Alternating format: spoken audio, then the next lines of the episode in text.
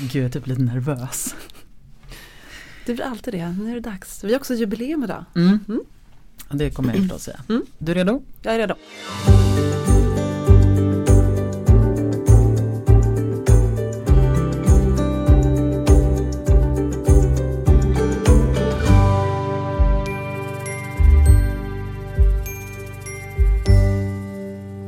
Hej och välkomna till det trettionde avsnittet av Präster med gäster med mig Rebecka Tudor och, Mig, Anna-Fia Trollebäck. och vi är präster i Tyresö församling i Stockholm. Mm. Alltså 30 avsnittet är ett jubileumsavsnitt vilket betyder att det är nu jag, Rebecka, som inleder. Exakt. Ja. Det är du som eh, drar lite i trådarna, lite extra för jubileumsavsnitten. Det är mitt stora uppdrag. Ja. Mm. Okej, Mm. Men eh, alltså, har du koll på, du vet det man delar ut Nobelpriset, priserna de här, den här veckan. mm. nej jag har inte koll. Du har inte koll? Alltså jag menar, jag har så att säga koll på att det är nu det sker men Mm. nej. Eller Nobelpriset hade i jag fysik. egentligen inte. Nej, det hade du inte. Nej. I alla fall, Nobelpriset i fysik Mm. eh, har gett oss svar på vår fråga som vi hade förra avsnittet när vi frågade om tiden kan ta slut. Va? Och vi bara nej, det kan den ju inte. De som vann Nobelpriset i fysik i år, Mm. eh, de har typ bevisat på något sätt att tiden tar slut. Nej. Det är så coolt i alla fall.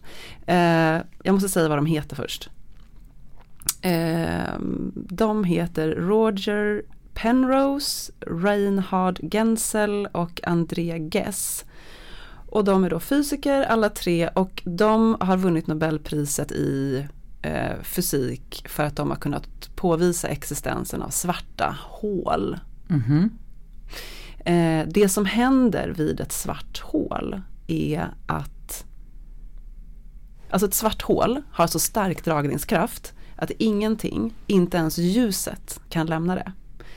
Och i hålets mitt då finns liksom en punkt eh, och där är gravitationen oändlig. Alltså den är oändlig, det är bara gravitation. Naturlagarna bryter samman och tiden tar slut. Nej men satan i gatan. Vi konstaterade ju förra veckan att tiden inte tar slut. Nej. Aldrig. Aldrig. Men i de svarta hålen då verkar den göra det. Då bara slukas allting.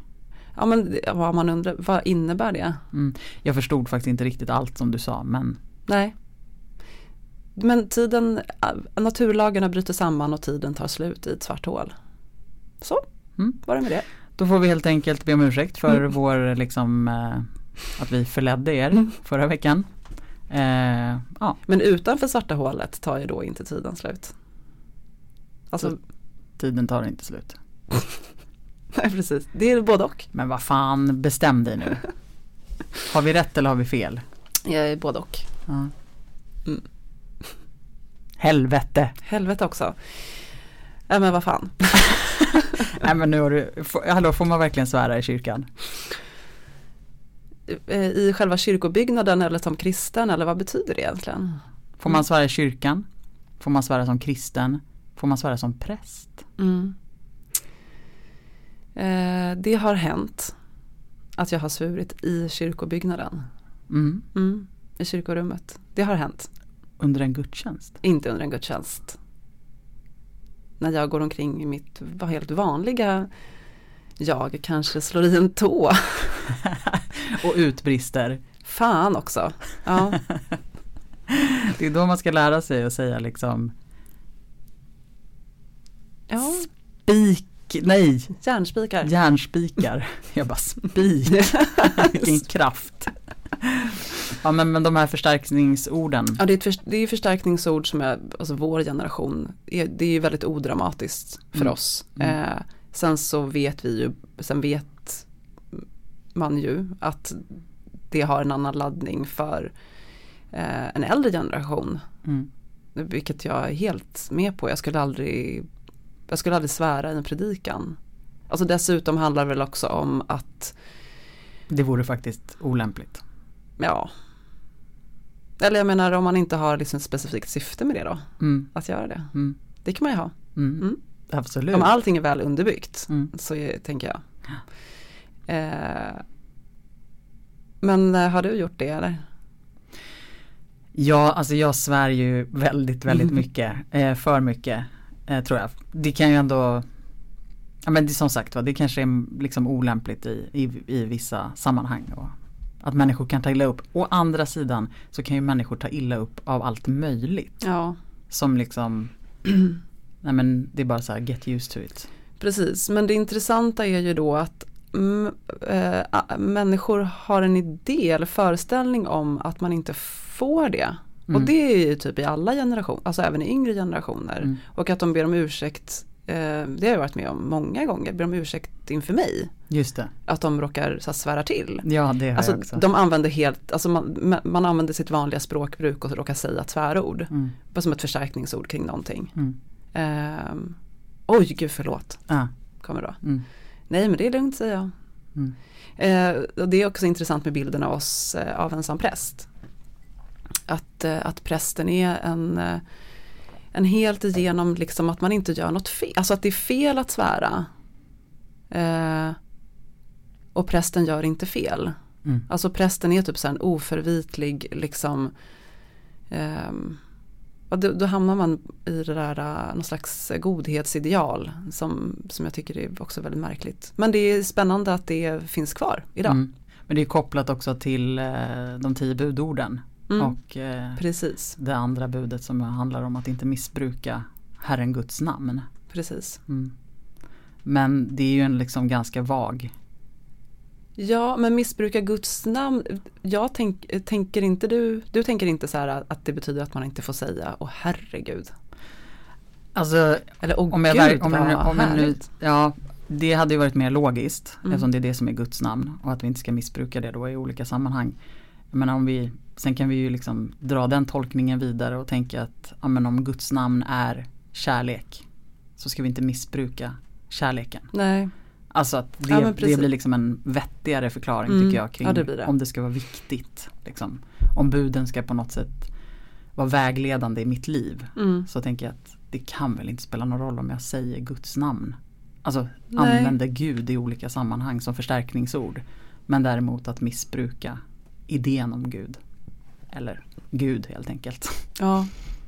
ja, så måste det vara.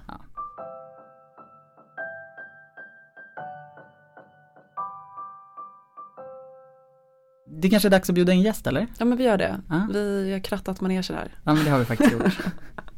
Ja, men Så, take it away Rebecca. I will. Mm. Välkommen in i rummet. Djävulen. Om du nu finns överhuvudtaget, för det är det vi ska reda i.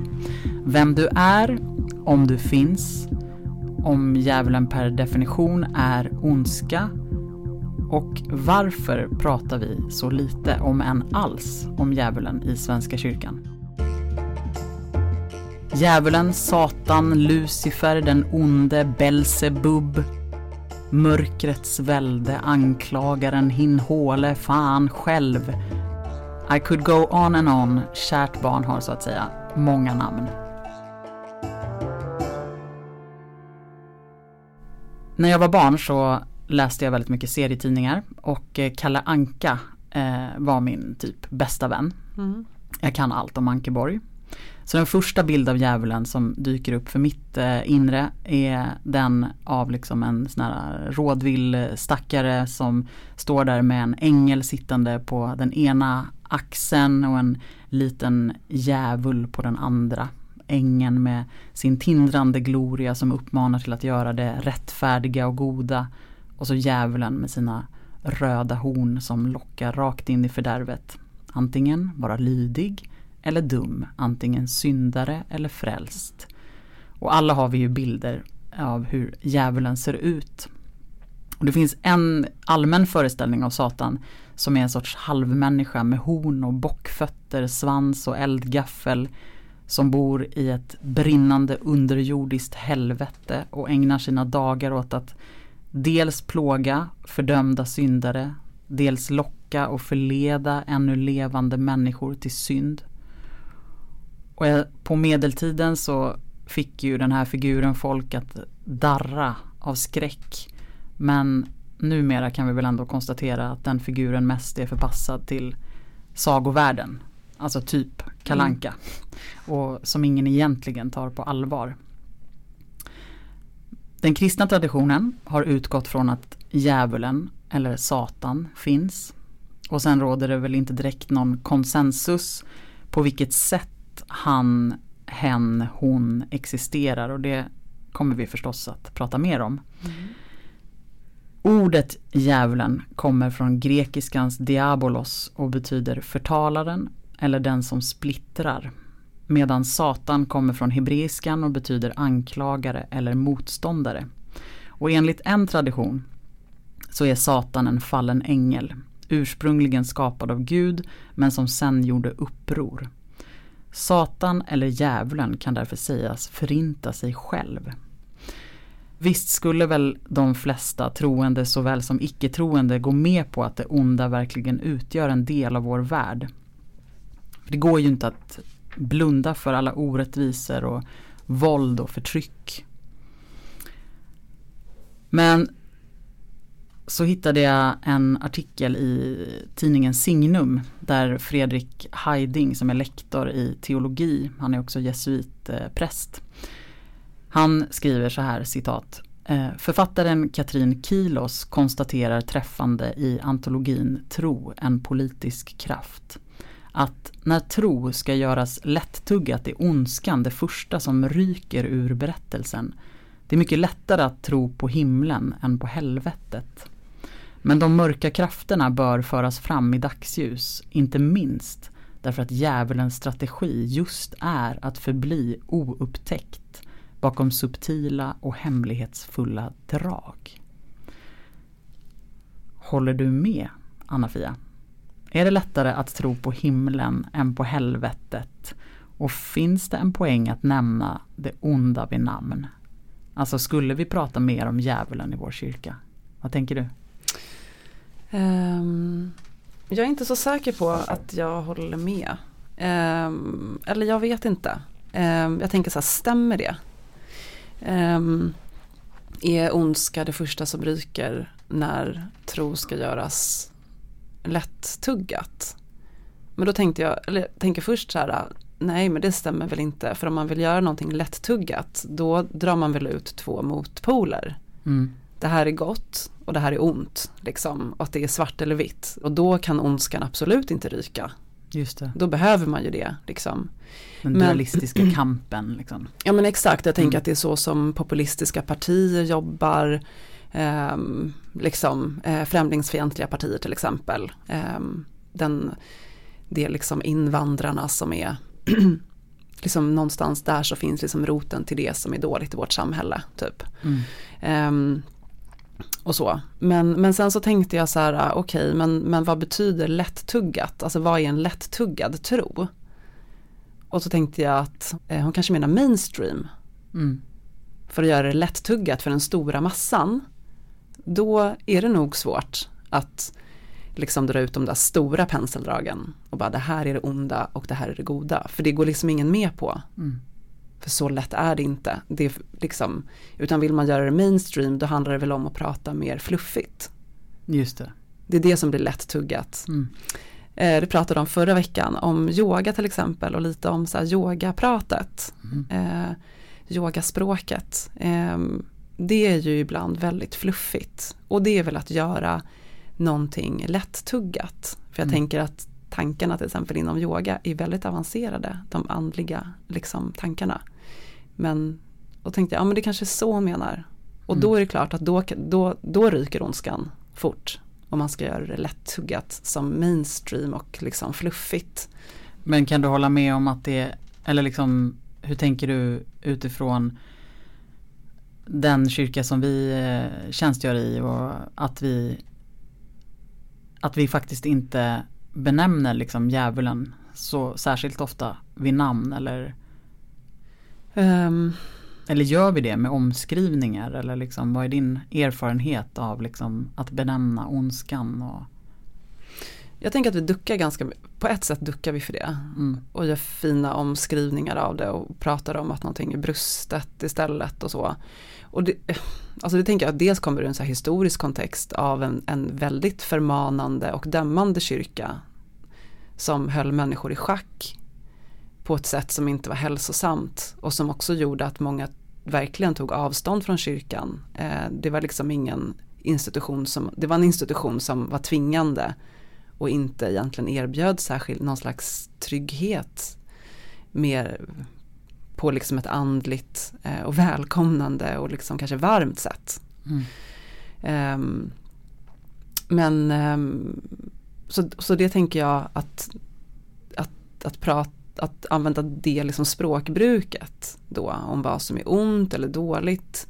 Det har liksom det har en historisk koppling till att vår kyrka, att vi inte pratar så mycket om det, att vi använder andra ord för det, att vi liksom klär om det för att också och det är väl bra, tänker jag att vi har tänkt till kring vad är det det betyder. Mm. Liksom. Mm. Är jag en fattig syndig människa? Alltså om människor bara upplever det som om det som vi, det, om, det, om, om jag som präst menar en sak med det men det tas emot på ett annat. Då kanske jag kan välja, välja andra ord typ. Just det, det tänker jag också hänger ihop med alltså användandet av alltså, vad som är ont eller djävulen eller så. Um, ja men precis, mm. så lite på samma sätt är det ju egentligen när man tänker i relation till att använda ordet Gud. Mm. Det är ju också egentligen på samma sätt att, att vissa människor liksom bara stöter det ifrån sig för att man har en föreställning om vad ordet Gud betyder. Det. Och det tror, tror jag inte på. Just det. Men och därför behöver vi ibland omskrivningar eller andra bilder eller åtminstone förklara vad menar vi när vi pratar om Gud. Ja och språket liksom förändras ju med historien och, eh, och det är ju viktigt eh, och bra. Sen så tror jag att vi skulle kunna vara tydligare mm. också samtidigt. Mm. Vi skulle absolut eh, kunna benämna det. Um, och ibland, det kan jag ha tyckt har varit skönt när jag varit på gudstjänster där det verkligen har varit så här någon, ja men så här, åh här var det, vågade man ändå säga det vid namn. Mm. Liksom. Ja, jag tycker verkligen att det kan vara befriande att ibland få liksom ha ett namn för det onda också. Mm. Att, eh, att just nämna det vid namn. För att vi alla på något sätt, ja, men som jag också sa i inledningen där, att visst är det väl ändå så att oavsett liksom tro eller icke tro så kan vi vara överens om att, att det finns mycket ont i världen. Ja precis, men alltså jag tänkte faktiskt på det där om jag nämner det vid namn. Mm. Eh, och så tänkte jag att ja, men det, ja, det finns en poäng i att göra det samtidigt. När jag börjar göra det, då, alltså dels så kan jag ju också, eh, det, då får jag liksom en kropp på något sätt på det onda. Eh, och det kan ju också bli utpekande mot någon eller eh, några. Mm. Eh, alltså som att det är det som är främmande är det som gör mig rädd. Mm. Eh, alltså är det det som är ont. Just typ. det. Och det är ju livsfarligt. Samtidigt som att det också kan bli väldigt vagt. Mm. Å andra sidan, så här, det är djävulens fel. Det är ingens fel. Eller ingen, alltså det är också så här, vem har ansvar? Mm. Att det, det, var djävulens fel att, det, att eh, det ena eller det andra hände till exempel. Eller att det är krig eller så. Men, mm. men liksom bara djävulen slutar så kommer det bli fred. Eh, vi ska mm. inte slippa från eh, ansvaret liksom. Men kan man inte tänka då att lite att vår bild av Gud kommer också prägla vår bild av djävulen? Alltså om vi tror på en gubbe på ett moln, mm. ja, men då kommer vi tro på en eh, gubbe med horn och svans eh, under jorden. Eh, men om vi tror på en gud som, som så bor inom oss mm. så kanske vi också måste tro på en djävul som bor inom oss. Mm. För att någonstans så tänker i alla fall jag att mycket av livet är liksom ändå är ju en kamp mot ondskan på något mm. sätt. Alltså i mitt eget liv. Och i det stora.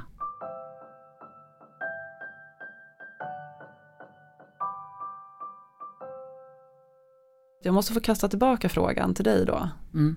Eh, är det lättare att tro på himlen än på helvetet? du bara nej, ställ inte um, frågan till mig. Nej exakt. Um, Ja men det blir återigen, det blir så här, vad menar vi med det? Alltså vad Mm. menar vi med himmel och helvete? Ehm, jag har lättare att tro, om jag nu ska tänka så här, vad händer efter döden? Mm. Om vi tänker oss liksom himlen på det sättet, att så här, komma hem till Gud eller ja, något typ av liksom att det finns ett antingen eller. Mm. Då har jag betydligt lättare att tro på att det är kärleken som segrar. Mm. Liksom. Att det är det goda som är liksom det ursprungliga. Ehm, men både himmel och helvete, de bilderna, alltså de existerar ju här på jorden. Mm. Så av den anledningen så tycker jag inte att det är lättare att tro på himlen. Jag tycker att det är lättare att tro på helvetet på ett sätt. För att det finns så mycket ondska i Mm. världen. Ja men det slog mig precis. Alltså om man pratar om att så här, himmelriket redan här. Vi har, bär himmelriket inom oss. Så måste vi i sådana fall på samma sätt bära helvetet. Så finns ju också helvetet på jorden. Mm. Och det, det, är ju, det ser vi ju. Mm. Liksom. det jag inte tror på eller det som jag tror är farligt det är ju att när vi börjar benämna liksom dem som de onda Mm. och vi som de goda. Ja. Och eh, en dag kommer Gud att liksom skilja mellan folken och säga liksom vissa kommer till himlen och andra kommer till helvetet. Mm. Det är liksom en föreställning som jag absolut inte kan tro på. ja, den har inte jag heller. Nej, utan då är det ju igen, nej men det finns i oss alla, det finns liksom den här, ja men ja det finns det som vill liv och det finns det som tar liv. Mm. Ja, och Ja. då är ju diabolos Ja, ganska. Mm. ett, liksom ett bra ord, det som splittrar. Mm. Det som liksom, Drar isär. mm. Mm. Och så motsatsordet till diabolos är ju symbol. Som det är alltså det, det som för samman. Precis. Men det är fint. Det är jättefint. Mm.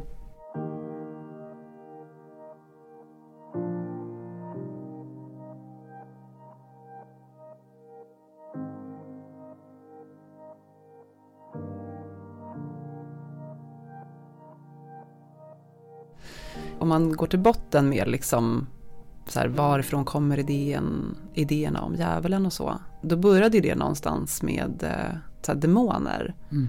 Och att men att demoner, som vi tänker oss demoner som någonting negativt, någonting som man då blir besatt av och måste med exorcism till exempel driva ut.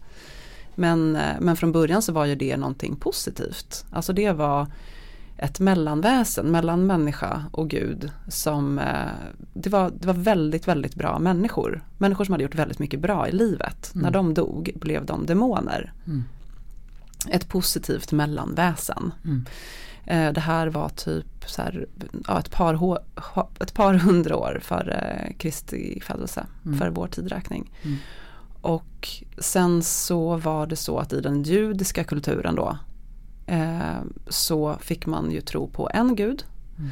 Och eh, grupper och människor som trodde på andra gudar. Då ville man säga då att andras gudar inte var riktiga gudar. Utan de var ett mellanväsen, demoner. Eh, och då fick eh, demonen en negativ laddning. Ehm, och liksom djävulen springer ju någonstans ur Mm. det här liksom negativa. ehm, ett väsen med negativ eh, laddning, liksom, någonting ont eller dåligt. Ehm, och att djävulen som vi känner djävulen utvecklades typ runt så här 600-tal. Eh, så. Mm. Så att idéerna om djävulen är ju kan, alltså är väldigt starka, särskilt i kristendomen. Mm. Finns i, i den judiska, eh, finns i judendomen men är ännu starkare i kristendomen. Mm. Men sen har vi också typ ett annat namn för djävulen är ju Lucifer. Mm. Och Lucifer betyder ju eh, ljusbringare eller ljusbärare. Mm. Man bara, men hur kan Lucifer som är typ så här mörkrets härskare Mm. vara en ljusbärare? Men Lucifer var då inte ond från början. Utan Lucifer var också namnet på morgonstjärnan, Mm. Venus. Eh, alltså planeten Venus. Eh, det finns en berättelse om den här, det som du nämnde i början. Om den fallna ängeln. Mm. Som ju finns i Uppenbarelseboken. Mm. Eh, och då, det är ju en eh, legend som finns kring, eh, kring det här om att Gud, Guds liksom främsta ängel, Lucifer, Mm. Eh, blev eh, Gud sa att nu när jag har skapat människan så ska du eh, stå under människan och inte mig. Och då blev Lucifer sur och gjorde uppror mot Gud. Och då, men i, i det slaget så, så föll Lucifer ner från himlen, morgonstjärnan som faller mm. ner från himlen och ner i helvetet. Och någonstans i den här legendbildningen har vi förstått det som. Mm. Så uppkommer också liksom idéerna kring djävulen och satan och helvetet och så. Eller? Precis, jo mm. men just den legendbildningen eh, finns väl i den islamska traditionen. Mm. Mm. Också mm. mm. Ja, sen, sen, så har vi den här um, eh, den hebreiska betydelsen av satan då som mm. motståndare eller anklagare. Det, då blir djävulen eller satan får ju en lite mer eh, mänsklig eller lite mer begriplig kan jag tycka. Mm. Än att bara vara det här liksom väldigt, väldigt eh, onda. Mm. Och anklagaren finns ju i Jobs bok. Eh, och där så utmanar ju anklagaren Gud. Och säger att du måste kolla upp din tjänare Jobb. Jag tror inte att han, han är inte så gudsfruktig som du tror. Mm. Och Gud bara, jo, jo, jo. Mm. Jobb är min allra flitigaste tjänare, typ. Eh, men, och, men, men då säger anklagaren, eller Satan då, att du får sätta jobb på prov. Mm. Och då gör Gud det. Eh, och så handlar ju Jobs bok om det. Um, inte så lite heller. Inte så lite utan eh, väldigt mycket. Utsätter honom för enormt mycket mm. lidande. Precis. Eh, en sak som är, är, spännande i det tänker jag, det är ju att eh, tänkte jag så här, ja, men an, anklagarens funktion, eller liksom satans funktion då, det blir alltså som en del, det blir en grundval i vår existens. Mm. Alltså frågan om prövning. Mm. För att Gud accepterar ju prövningen. Gud hade ju kunnat säga till anklagaren då, nej, jag tänker inte sätta jobb på prov för jag vet mm. att jag är en god människa mm. och gör det rätta liksom. Men eh, Gud bara, ja nej låt oss sätta jobb på prov. Alltså att prövningen också är en del av vår mänskliga existens. Mm, och det kan man väl känna igen sig i. Mm. Alltså att eh, mycket av livet, alltså, ja, men återigen, det, jag upprepar mig, men att det är det som är en stor del av livet. Alltså kampen mellan gott och ont eller att göra rätt eller fel. Mm. Eller, um... Ja och vi ber ju till och med i, um, i, i vår fader. Utsätt oss inte för prövningar. Precis i den då nya översättningen. Mm. Inled oss icke i frestelse är det i den, i den äldre översättningen. Men att inte bli utsatt för prövning. Mm. Där vi, vi, livet prövar oss hela tiden. Mm. Sen så tänker jag kanske att det inte är Gud som prövar oss. Utan att det är livet som gör det, det som vi är med om. Men vi vill ju be, vi ber ju om att slippa. Mm. För att det är jobbigt. Mm.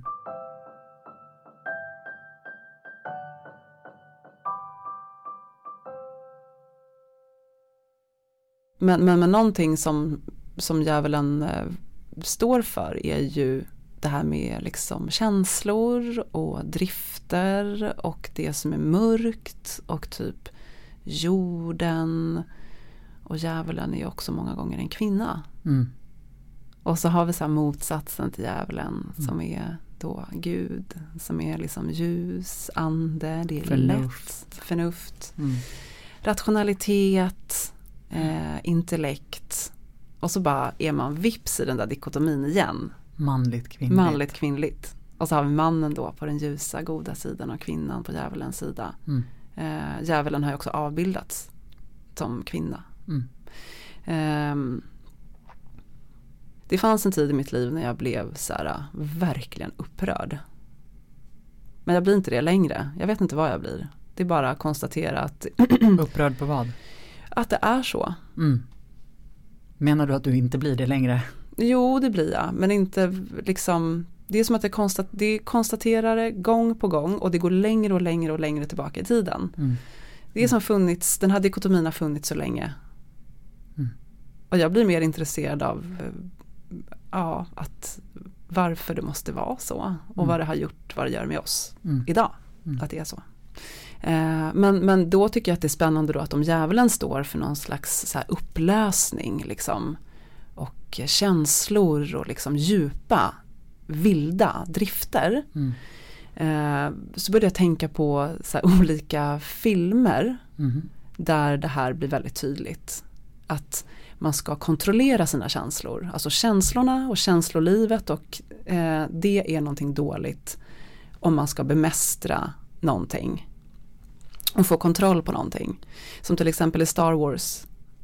När Luke Skywalker då, eh, hjälten, ska lära sig att eh, liksom när han ska lära sig att bemästra the force, Mm. som då är den goda kraften. Då handlar det om att kontrollera sina känslor. Eh, när den onda kejsaren Palpatine ska försöka förföra Anakin Skywalker som sen blir Darth Vader. Mm. Då säger han så här typ give in for your feelings eller liksom ge efter för dina känslor, your emotions. Mm. Liksom. Kontrollera ingenting, låt det bara så flöda fritt. Det är liksom the dark force, den, den mörka kraften, den onda sidan. Use your aggressive feelings, boy. Let the hate flow through you. Medans eh, hans son sen då, Luke Skywalker, ska lära sig att kontrollera sina känslor. För att känslorna hör till den mörka sidan. Men kontrollen av känslorna och att någonstans vara i huvudet, det är eh, den goda kraften. Mm.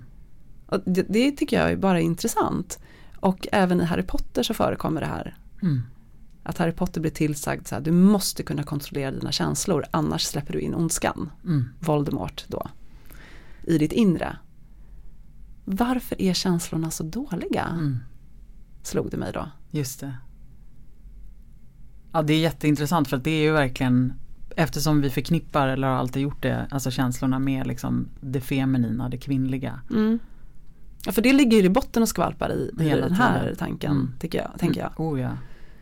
Och varför är känslorna så dåliga? Alltså våra drifter, våra begär, liksom Mm. det här mörka, liksom jordiska. Jag blir så här, varför är det så dåligt? Mm. Varför är det så dåligt? Ja, Jag har ju förstås inget svar Nej, på inte det. jag heller. Men man ska lyssna på mina känslor för samtidigt så lever vi i ett samhälle idag där man måste lyssna på dina känslor och lyssna i ditt inre. Mm. Men det är som att det finns en, eh, så finns den här andra liksom idé, Mm. traditionen på något sätt, alltså som har funnits med oss länge. Mm. Och jättemycket i, i religiös utövning handlar ju om Mm. kontroll. Ja, askes Mm. handlar om att, liksom, att inte äta, typ, inte, Mm.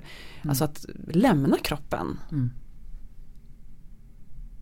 Nej och det har vi återkommit till så många Mm. gånger i våra avsnitt om att så här, vi längtar tillbaka till kroppen. Ja, jag tänker ändå att vi missar någonting genom att säga att vi bara ska vara i huvudet eller till och med försöka lämna våra kroppar. Vi lever ju ändå här, liksom, på jorden. Mm. Och Gud kan väl inte ha gett oss alla våra känslor som en del i prövningen av Nej. livet. Nej men det verkar jättekonstigt och då i botten av allting så skvalpar det runt så här man, man och kvinna i det som är positivt och negativt i Mm. det här. Nej. alltså jag köper inte riktigt faktiskt. Och en av våra frågor är ju, är djävulen per definition ondska? Mm, Och om vi gör den här definitionen, mm. Eller vilken? nej men alltså talar om att djävulen, alltså att det är djävulen som är känslor, Mm, alltså det som just det. eh, the dark force liksom. Precis. Ja men exakt, Eh, djävulen finns ju som ett eh, kort i tarotleken. Mhm. Eh, Vilken tarotlek då? Det finns Nej, väl men- massor? Ja, det finns massa olika eh, motiv. Mm. Eller alltså massa, den är, det finns massa olika stil på tarotlekar. Mm. Men korten är ju de samma. Mhm. Alltså grund, alltså som att du har en vanlig kortlek. Okej. Mm. Så är jag djävulen. Jag Nej, trodde det fanns okej. en massa olika varianter av tarot. Nej men alltså det finns en grund, Mm. liksom Mm. de olika, vad heter det? Nej men det är ju Eh, du som håller på med sådana ja. här andra liksom spirituella Nej men själva uppsättningen. Det finns en grunduppsättning Ja, och sen så kan man liksom göra utseendet Mm. på olika ja, sätt. Mm. Det var en bra jämförelse med en Ja. vanlig kortlek. Mm. Eh, men djävulen är ett kort då. Mm. Och eh, apropå det här då så är det intressant. För då eh, tänkte jag att jag skulle kolla upp betydelsen av eh, djävuls, djävulen då i tarotleken. Och det är ju då liksom den här liksom inre otämjda vildheten, Mm. liksom vår skuggsida Mm. som alla människor bär på då. Och eh, vi kan inte bli av med den, vi kommer aldrig kunna tämja den. Ehm, och ehm, det, det, ja, men det är en slags grundbetydelse i kortet, att det står för just det. Liksom. Ehm, att, att det är liksom en det är liksom passionen och liksom det primitiva begäret som också försöker ehm, alltså trycka bort de sociala rollerna. Alltså som vill någon slags annan frihet, liksom Mm. att bryta sig loss. Mm. Ehm, Hmm. och det är ju väldigt spännande. Ja men verkligen. Nej, men jag tänker bara att, att, att, eh, att leva med sina känslor, att uttrycka sina känslor, sina drifter, sina begär kan ju inte vara fel så länge jag inte skadar en annan människa. Alltså det måste Nej. ju ändå hela tiden Vad det yttersta ja. vara det yttersta. Ja. Att liksom, men, men så länge ingen människa kommer till skada eller eh, Ja för det, jag menar jag själv ska ju inte komma till skada heller Nej. men Så måste ju det vara det som är liksom Vad är att göra rätt och vad är att göra fel? Mm. Vad är att missa målet? Vad är att följa Guds vilja? Och vad är att liksom gå emot Guds vilja? Och det är väl också det här med typ att tappa kontrollen som också är så obehagligt. Mm. Alltså att djävulen också står för någon slags eh, Alltså det här så här vilda, helt eh, kontrolllösa liksom. Mm. Och så det är ju ändå det man ibland längtar efter att förlora kontrollen, att få vara i det. Mm. Att få bara Extasen liksom. Ja, det är därför i alla fall både du och jag tycker så mycket om att vara ute och dansa Mm. eh, på klubb och Ja. gärna med så här mycket folk och hög musik och svettigt och dekadent. Exakt. För att vi behöver det också. Mm. Ehm, Det är en av mina bästa kvällar. Det är när jag har predikat på kärlekens mässa i Storkyrkan. Eh, direkt efter går till en, en pub som ligger bredvid kyrkan. Svidar om från prästkläder till liksom några glittriga tights. För att sen tillsammans med dig Mm. bland annat gå till en riktigt svettig queerklubb. Det var fantastiskt. ja, svettas Ja, i flera timmar, dansa. mm. Mm. Det finns både och. Ja, och du måste få göra det. Ja. Ja.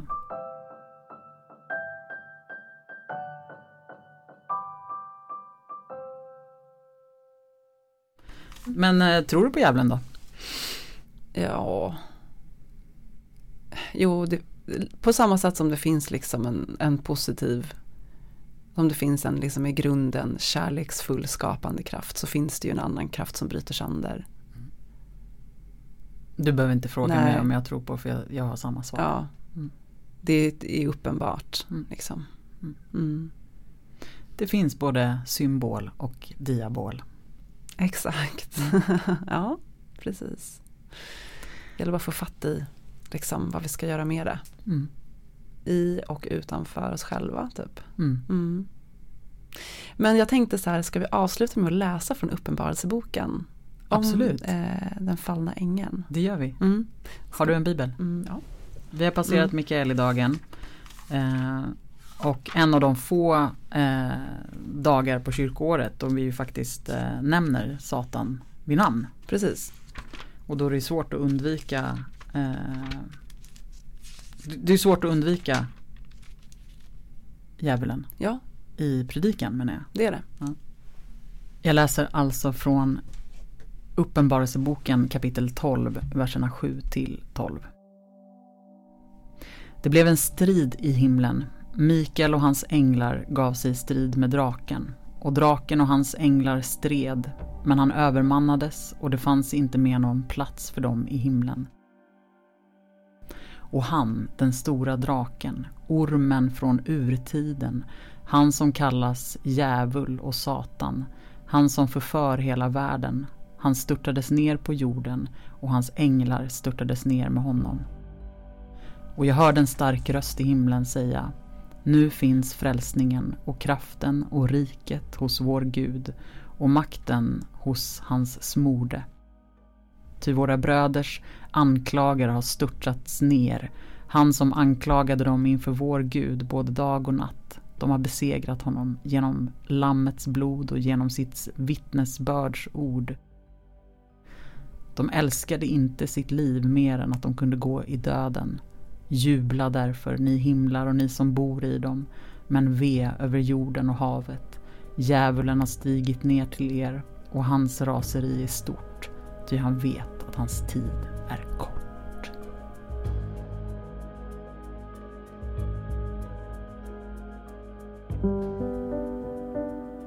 Tacka djävulen ändå.